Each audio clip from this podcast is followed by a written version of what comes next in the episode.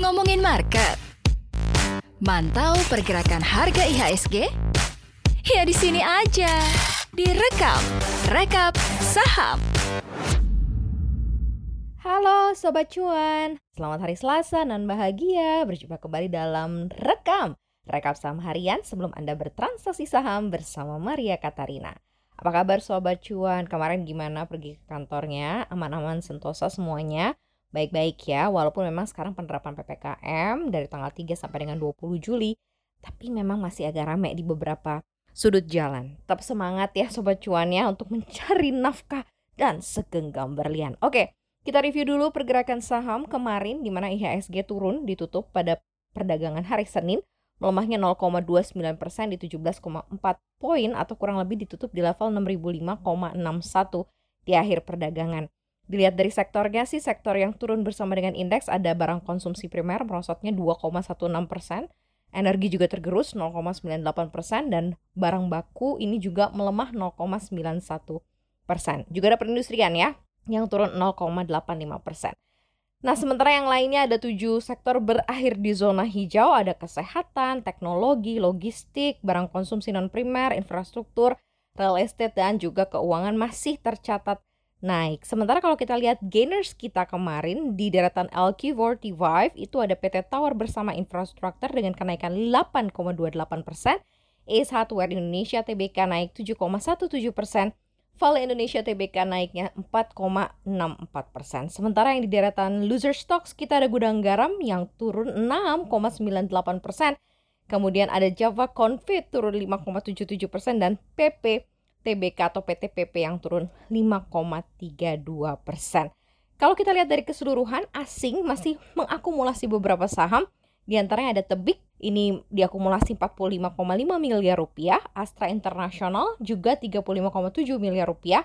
Garuda atau Indofood sukses makmur TBK atau INDF yang diakumulasi 25,1 miliar rupiah. Gimana Sobat Cuan punya saham-saham yang ada tadi yang sudah disebutkan?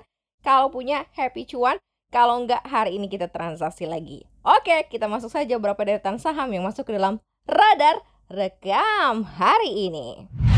Pertama, ada saham-saham emiten properti yang berhasil membukukan kinerja positif di kuartal 1 2021 di mana melesatnya laba emiten ini terjadi karena beberapa hal. Yang pertama adalah akibat low base effect di mana kinerja kuartal pertama tahun lalu sektor properti kan cukup berantakan karena COVID-19 ya. Namun ternyata di 2021 ketika pengetatan PPKM sudah mulai dilonggarkan, maka ternyata kinerja perusahaannya juga mulai membaik. Dan pemerintah pun juga sudah menyuntikkan banyak stimulus ke sektor properti ya, terutama ada pengurangan suku bunga acuan BI rate menjadi yang terendah sepanjang sejarah 3,5 persen, kemudian diskon PPN properti yang juga ternyata sukses loh untuk melambungkan kinerja saham-saham properti paling enggak di kuartal 1 2021. Meski demikian, posisi sektor ini sejatinya ya masih belum aman ya, karena kembali lagi melesatnya kasus corona saat ini di dalam negeri ada lagi kebijakan PPKM mikro darurat yang mewajibkan akhirnya beberapa properti yang related atau punya mall ini nggak bisa beroperasi. Sebagai catatan saja, sebagian besar emiten properti yang merangkap sebagai pengelola pusat perbelanjaan alias mall ini memperlakukan PPKM dan nggak bisa beroperasi dan ini berdampak pastinya terhadap emiten properti. Secara keseluruhan ada 10 uh, eh, saham properti, 6 di antaranya sukses membukukan kinerja positif, bahkan ada satu yang membukukan turnaround alias pembalikan dari yang semulanya merugi, terus jadi untung nih di tahun ini. Dan ada dua yang kinerjanya masih tergerus, yakni satu uh, belum melaporkan laporan keuangannya dan satu nih masih merugi. Tercatat ya ada saham-saham properti dengan kapitalisasi pasar besar di bursa seperti Pakuan Jati sukses membukukan laba bersih sebesar 236 miliar atau tumbuh 400 persen. Kemudian yang kedua ada Bumi Serpong Damai yang juga sukses mencetak laba 588 miliar meskipun hanya tumbuh 115 persen aja di kuartal 1. Dan ada dua emiten yang berhasil melakukan turnaround ini yang tadinya rugi jadi untung ada Lipo Karawaci yang merugi di kuartal 1 2020 lalu jadi untung bersih sekarang 255 miliar rupiah di kuartal pertama tahun ini dan ada uh, PLIN atau Plaza Indonesia Realty, laba bersihnya pun juga terpaksa harus tergerus menjadi 98 miliar dan menjadi emiten properti dengan kontraksi laba terbesar di kuartal 1 2021. Sementara yang big cap nih yang masih merugi ada Indonesian Paradise Property atau INPP yang masih merugi 41 miliar rupiah. Ya memang dampak dari PPKM, kemudian PPKM mikro, PPKM darurat mikro yang saat ini sedang diterapkan oleh pemerintah agak cukup berat sih untuk industri properti, apalagi yang punya mall di dalamnya tuh ada tenan yang memang dapat recurring income dari sana. Jadi kita lihatlah mudah-mudahan di kuartal 1 2021 ini jadi benchmark dan ada sedikit tekanan yang akan terjadi di 2 sampai 1 bulan mendatang dan setelah itu kita doakan akan bangkit lagi sektor properti Indonesia. Next.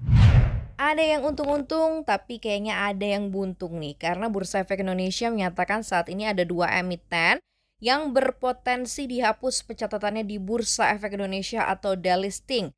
Yang pertama ada nih Press atau emiten dengan kode saham NIPS, emiten produsen aki ya, akumulator merek NS dan satu lagi ada yang bergerak di bidang pertambangan Sugi Energi atau Sugi. Jadi dari Kepala Divisi Penilaian Perusahaan 3 Goklas Tambunan, keputusan tersebut dilakukan mengingat masa suspensi saham Nipres sudah mencapai 24 bulan pada Juli lalu. Bayangin ya punya saham harus di hold, disuspend 2 tahun. Sementara masa suspensi saham Sugi ini juga sudah mencapai 2 tahun atau 24 bulan ya. Dan keputusan ini akan potensi delisting ini diambil oleh uh, Bursa Efek Indonesia karena melihat berdasarkan peraturan BI nomor 1 strip 1 tentang penghapusan pencatatan dan juga pencatatan kembali atau relisting saham di bursa terdiri dari dua poin. Yang satu, yang pertama, di mana delisting dilakukan dengan catatan perusahaan terkait mengalami kondisi atau peristiwa yang secara signifikan berpengaruh negatif terhadap kelangsungan usaha baik secara finansial atau secara hukum atau terhadap kelangsungan status perusahaan sebagai perusahaan terbuka atau tercatat dan tidak dapat menunjukkan indikasi pemulihan yang memadai.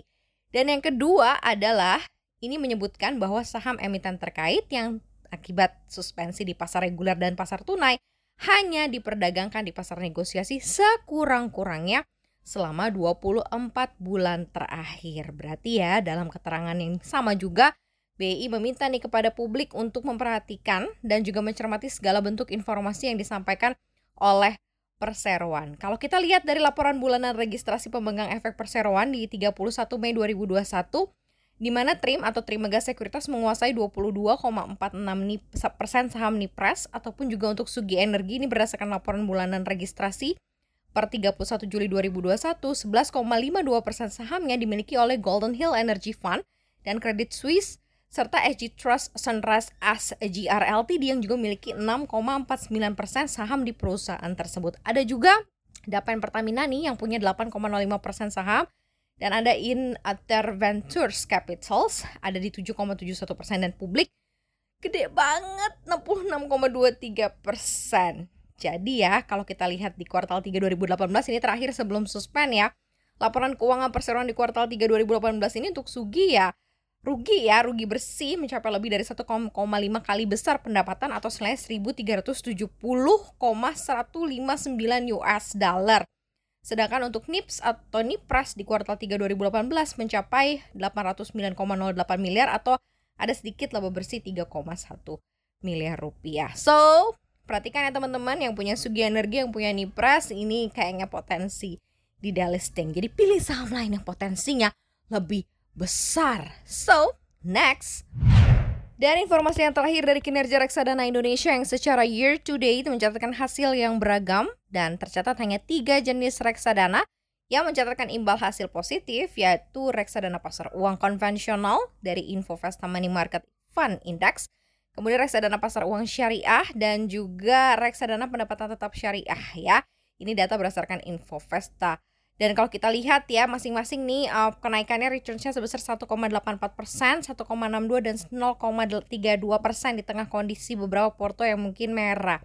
Sedangkan kinerja indeks uh, lainnya atau kinerja lainnya yang berbasis saham, obligasi maupun campuran ini gagal mencetak laba hasil positif terutama ya karena kinerja IHSG yang juga flat ya naiknya tipis gitu ya kadang turun lagi. Namun di tengah keberagaman imbal hasil reksadana Indonesia ternyata berdasarkan data kustodian Central Efek Indonesia jumlah investor di pasar modal ini malah naik loh 5,37 juta investor atau 38,43 persen data Mei 2021.